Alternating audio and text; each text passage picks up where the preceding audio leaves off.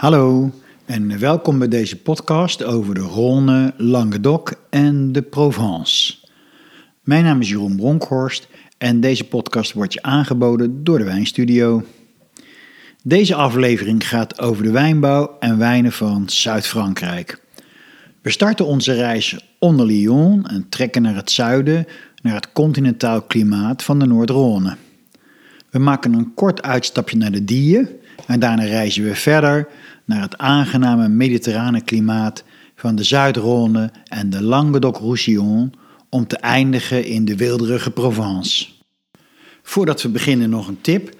Pak een kaart van de wijnstreken van Zuid-Frankrijk erbij of uh, zoek iets op internet wat je erbij kan halen. En als je het er niet bij kan halen, bestudeer dan die kaart van tevoren. Dat helpt. Er zijn in deze streken veel druivenrassen toegestaan, in de Rhône maar liefst 27. Voor witte wijn maken een paar druivenrassen de dienst uit, omdat ze goed met warmte om kunnen gaan. Weet jij nog welke dat zijn? Heb je enig idee? Zou je het kunnen bedenken? Een witte wijn uit de Noord-Rhône, dat is natuurlijk de Viognier. En de andere belangrijke druiven in deze gebieden zijn de Grenache Blanc, Marsanne en Roussanne. Die laatste twee lijken wel een tweeling, je ziet ze meestal samen in een fles. Voor rode wijnen staan de meest gebruikte druiven bekend als GSM. Weet je nog wat dat betekent? Denk even na. De hitteminnende druiven van het zuiden, je kent ze wel. Inderdaad, GSM, dat is Grenache, Syrah en Mourvèdre, aangevuld met Saint-Sol. Laten we eens gaan kijken in de Noord-Rhône.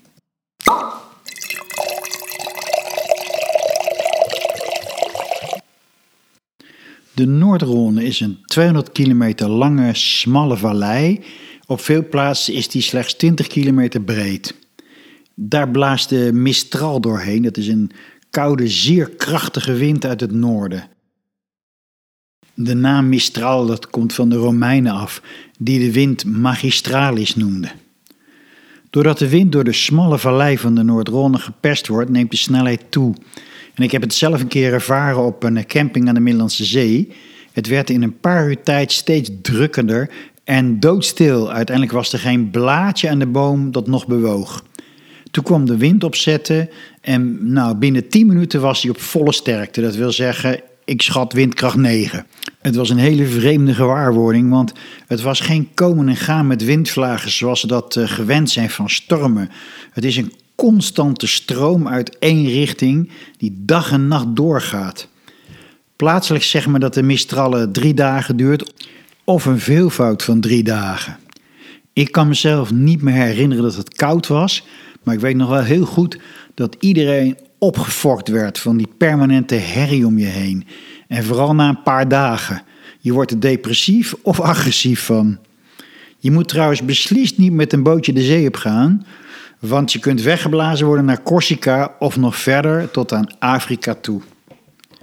Zo'n krachtige wind heeft voordelen en nadelen. Zou je die zelf kunnen benoemen? Wat kan een voordeel van wind zijn? Wat is een groot probleem van druiven overal ter wereld wat je hiermee bestrijdt? Denk maar even na. Want ja, wat doet zo'n mistral? Wat doet zo'n wind? Het biedt dus voordelen aan de druiven. Nou, wat is dat? Het blaast alle vocht en regendruppels weg.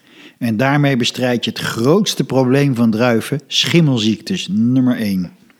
Overigens is daardoor de Languedoc een zeer geschikt gebied voor biologische wijnbouw. De druk van ziektes is minder groot. Een ander voordeel van de Mistral is dat hij het klimaat verkoelt, waardoor de rijping vertraagt en de aroma's de tijd krijgen zich te ontwikkelen. Wat zijn nou de risico's van een harde wind en wat kun je daartegen doen? Ook hier kun je even over nadenken. De risico's van een harde wind voor de druiven en wat kun je daartegen doen? Zijn er risico's? Ja, inderdaad. En die risico's zijn heel groot. dat is het antwoord.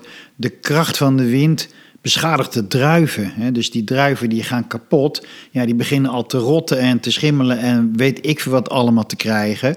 Uh, nog voordat je ze binnengehaald hebt. Dus dat is natuurlijk niet best. En soms slaan zelfs de stokken kapot.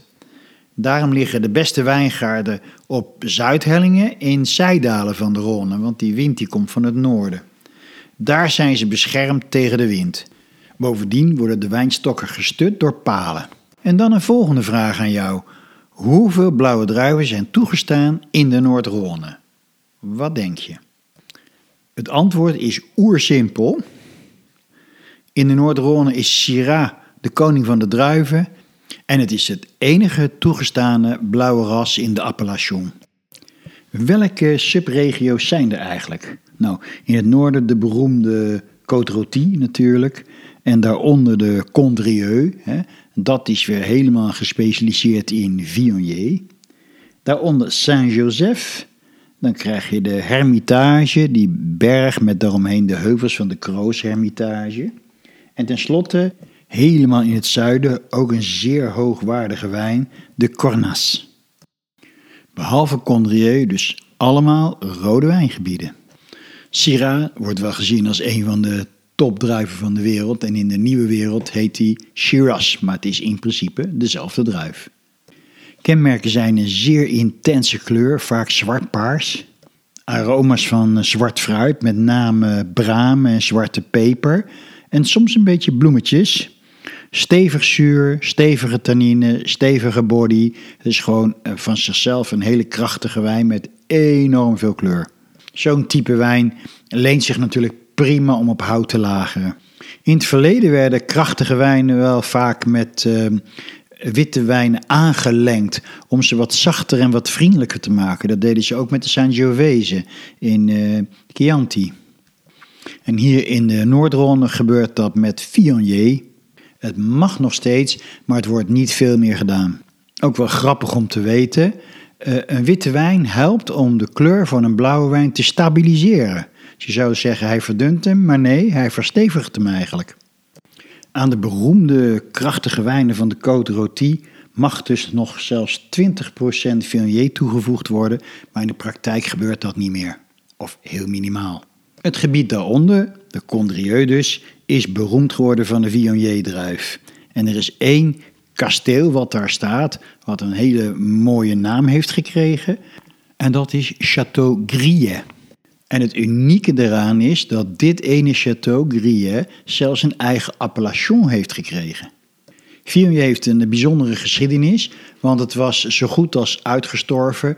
Uh, niemand gebruikte het meer en er was nog een klein beetje in de Condrieu op hele steile hellingen en uh, niemand had meer zin om daar nog op te werken, vooral jonge mensen niet meer. En op een gegeven moment zijn er toch weer mensen geweest die dat hebben aangepakt en die verwaarloosde wijngaarden weer opgeknapt hebben en Viognier zijn gaan maken. En dat is een heel groot succes geworden. En Viognier zie je nu overal, met name ook in warme streken zoals in Australië en Amerika. Onder Condrieu ligt Saint-Joseph en dat is verreweg de grootste, de langste appellation van de Noordelijke Rhône. Overigens liggen alle wijngaarden in de Noord-Rhône behalve Hermitage en Kroos Hermitage aan de westelijke kant van de rivier. Daar worden hele stevige wijnen gemaakt, maar er worden ook best wel een beetje massawijnen gemaakt. Soms zelfs met uh, maceration carbonique. En die goedkopere wijnen die komen logischerwijs van de vruchtbare lagere locaties in het dal. En van het plateau boven de hellingen. En ten zuiden daarvan komen we bij de Hermitage en de Kroos Hermitage. Ik vind dat altijd wel mooi, dat is echt zo Frans. Uh, Fransen zeggen van de Hermitage, het is de meest mannelijke wijn ter wereld. In de Hermitage komen een aantal lieux-dits voor. Ook weer zo'n prachtige Franse uitvinding. Het betekent ja, een, een, plekje met een naam. Het is een gehucht, het kunnen een paar huizen zijn. Maar de grap is dat uh, de gemeentegrens dwars door zo'n uh, lieu-dit kan lopen. Dus voor bezorgdiensten en postbodes is het weer een crime. Ik heb zelf eens een keer een brief gestuurd naar zo'n lieu-dit. En tot stomme verbazing van de ontvangers kwam die nog aan ook. De beste hermitagewijnen waren altijd een blend van wijngaarden van die verschillende lieux Maar tegenwoordig worden die lieux ook apart gevinifieerd en op het etiket gezet. En dat is een trend die je in de hele wijnwereld ziet. Steeds meer specifieke benamingen van de herkomst. En overigens gebeurt dat bij voedsel ook.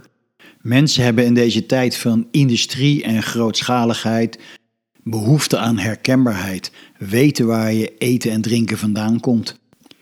Hermitage zijn premium wijnen, zeer kostbaar. En daarnaast worden er ook witte wijnen gemaakt van Roussan en Marsan. Hermitage is overigens niet echt een grote berg. Op zijn hoogste punt is die 280 meter. Maar daaromheen liggen de heuvels van de Kroos Hermitage. In termen van volume is die veel belangrijker. Er wordt heel veel Kroos Hermitage geproduceerd. En de kwaliteit is wel goed, maar een tandje minder. Ze zijn heel herkenbaar en ze hebben een zwavelig karakter. Ten slotte kom je in het meest zuidelijke puntje van de Noord-Rhône terecht en dat is de Cornas. Dat zijn extreem goede wijnen.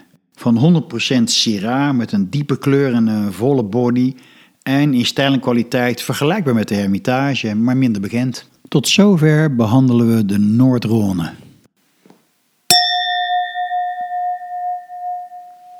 In het WCT level 3 boek staat het niet genoemd, maar ik wijs je toch graag op de frisse en zeer betaalbare wijnen van de Die, het gebied tussen de Noord- en de Zuid-Rhône. De Clarette de Die is gemaakt van de Claret en de Muscata Petit Grain druiven. Het is een hele oude manier van wijn maken, want ze worden al gistend gebotteld. En dat geeft een aangename, licht mousserende zoete dessertwijn. En je vindt er ook een droge crémant, dus gemaakt met de methode traditionnelle, oftewel tweede vergisting op de fles. En dan komen we uit bij de Zuid-Rhône. De Noord-Rhône is een smalle vallei, maar de Zuid-Rhône waait breed uit. En hier is Grenache of Grenache Noir de baas. Je vindt er zowel massawijnen als premiumwijnen. Mijn vraag aan jou, weet je ook wat de belangrijkste plaats is in de Zuid-Rhône? Het hart van de Zuid-Rhône. Nou, ik denk dat je het wel weet. 1, 2, 3. Dat is Châteauneuf-du-Pape. Je kunt die wijnen herkennen aan heel dikke, stevige flessen met twee gekruiste sleutels gevormd in het glas. En die verwijzen naar de geschiedenis van Châteauneuf-du-Pape, wat letterlijk het nieuwe kasteel van de paus betekent. In de 14e eeuw was er een scheuring ontstaan in de katholieke kerk. En behalve de paus in Rome was er ook een tegenpaus, Clemens VI. En die woonde in Châteauneuf-du-Pape. Die sleutels op de fles zijn eigenlijk de sleutels van de apostel Petrus. De paus wordt gezien als de opvolger van Petrus. En daarom staan die sleutels ook in het pauselijk wapen in het schild. Die sleutels symboliseren de ontsluiting van de hemelpoort en de wereld. Pas aan het eind van de 19e eeuw werd de naam Châteauneuf-du-Pape ingevoerd. Op het moment dat er een oplossing was gevonden voor die allesvernietigende druifluis. Dat was natuurlijk hele slimme marketing. Een naam die het pauselijk verleden aan een wijn verbindt. Voor een wijnexamen hoef je dat natuurlijk niet te onthouden. Maar ik vind het wel leuk, zo'n stukje historie, dat hoort daarbij. En als je weer eens zo'n mooie, zware fles Châteauneuf-du-Pape in je handen hebt, weet je voortaan wat die sleutels betekenen. Overigens is er natuurlijk eh, onderzoek gedaan naar de imago in verhouding tot de prijs van een wijn. En toen is gebleken dat hele dikke flessen of hele lange flessen, zoals je die wel eh, in Duitsland tegenkomt of in Oostenrijk, dat die altijd meerwaarde creëren. Een gevoel van chic en exclusief oproepen. Die omgeving van uh, Châteauneuf-du-Pape is een prachtige plek om foto's te nemen. En uh, de foto die je in de podcast ziet van viticultuur, van die hele oude wijnstok, die heb ik daar genomen. Zoek maar eens wat plaatjes op uit die streek. Dan zie je overal die bushvine, die wilde, ruige uh, wijnstammen. Vaak wel 100, soms 150 jaar oud en helemaal vol met littekens van het snoeien. En toch komen daar ieder jaar weer mooie groene, frisse knoppen uit. Die woeste stammen staan in die galets. En galet, dat zijn die, die kiezelstenen. Een hele dikke, volle laag van kiezelstenen. Hoe je zo'n grond in godsnaam bewerkt, is mijn raadsel. Want als je probeert om hier een ploeg doorheen te halen, dan zijn die scherpe scharen eh, binnen een minuut beschadigd. Overigens was de Châteauneuf-du-Pape het eerste Franse wijngebied met een eigen appellation contrôlée. De dominante druif in de zuidelijke Rhône is de Grenache. En een aantal zeer goede Châteauneuf-du-Pape wijnen bestaan voor 100% uit Grenache. Maar er wordt ook veel gebruik gemaakt van de Mourvèdre. Goede rode Zuid-Rhône wijnen kenmerken zich altijd door heel veel fruit en ook specerijen.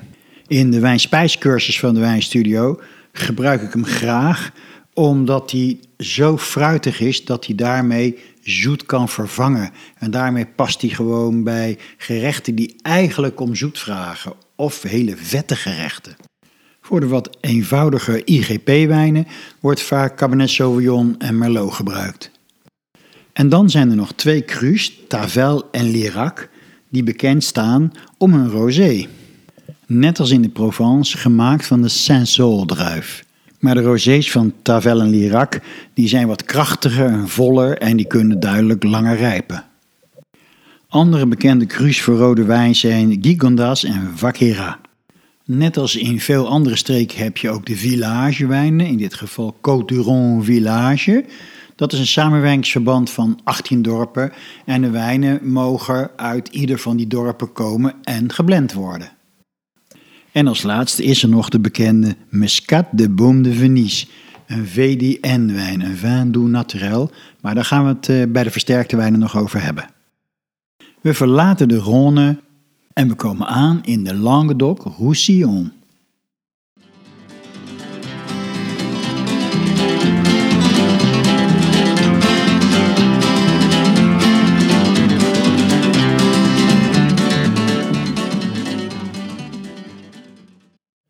Hele kuststreek vanaf de Rhône naar Spanje heet de Languedoc en het laatste stuk bij de Pyreneeën heet de Roussillon.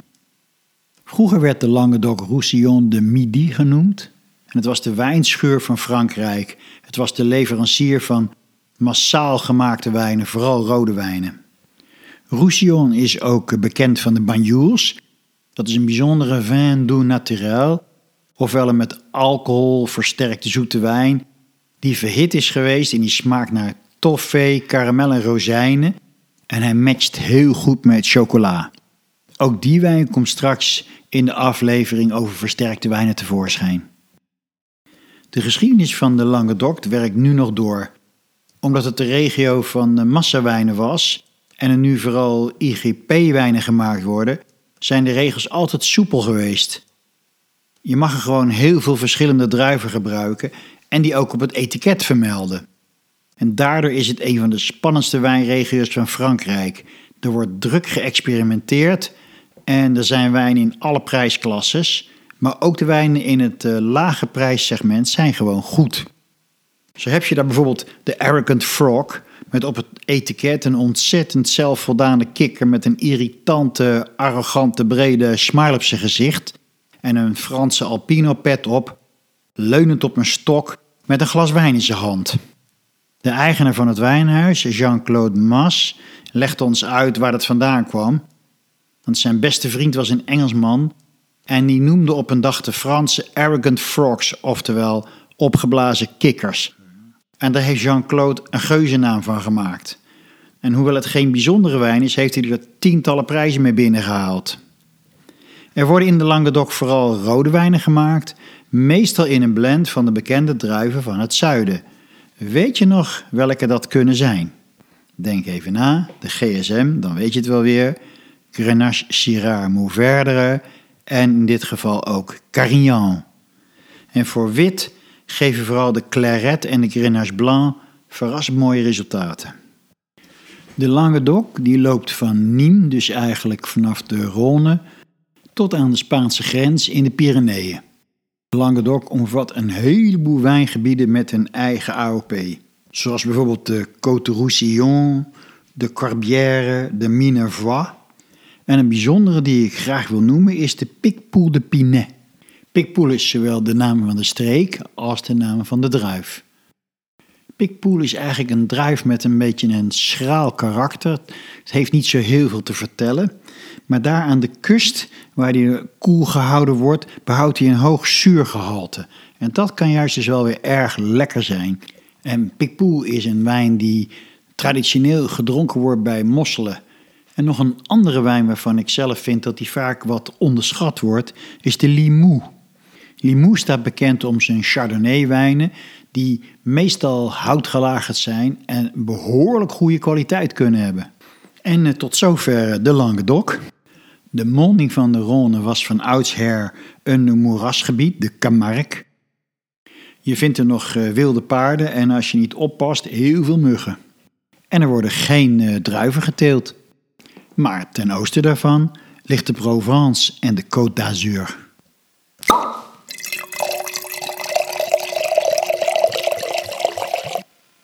De Provence heeft een eh, mediterraan klimaat. Dat betekent eh, warme zomers met een mooie gelijkmatige temperatuur van rond de 28 graden en zeer zachte winters.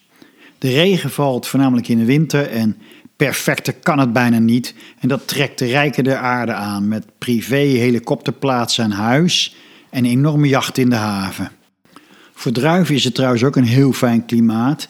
Maar daarmee is het ook niet een klimaat voor grootse wijnen. Want de mooiste wijnen van de wereld vind je over het algemeen toch daar eh, waar de druif het zwaar heeft en de rijping langzaam verloopt. Toch is de Provence beroemd geworden met een specialiteit, de rosé. Licht gekleurd, niet heel fruitig, maar wel droog en kruidig met een hint van rozemarijn. Die wordt gebotteld in doorzichtige, ongekleurde flessen en aangezien licht een wijn aantast, geeft die onderzichtigheid al aan dat de wijn bedoeld is om nu te drinken. De blauwe druiven in de Provence zijn Syrah, Mourvèdre en Grenache, maar voor de rosé is het in de eerste plaats de Saint-Saul, een druif die vroeger Hermitage genoemd werd. Ten oosten van Marseille ligt Bandol en daar vind je verrukkelijke stevige donkerrode wijnen met body en veel fruit die vaak op hout gerijpt zijn en goed kunnen ouderen. Die wijnen zijn gemaakt van de Mourvèdre, die in Spanje Monastrel genoemd wordt. En in het schilderachtige vissersplaatsje Cassis worden mooie witte wijnen gemaakt van Rol, een druif met een lekkere ronde body die we in Italië kennen als Vermentino. Je ziet Vermentino soms trouwens ook op een Frans etiket staan, omdat het gewoon een veel bekendere naam is. En nog wat voor de foodies onder ons. Het is leuk om te weten dat uh, Provence wijnen, zowel wit, rosé als rood, altijd licht gekoeld worden.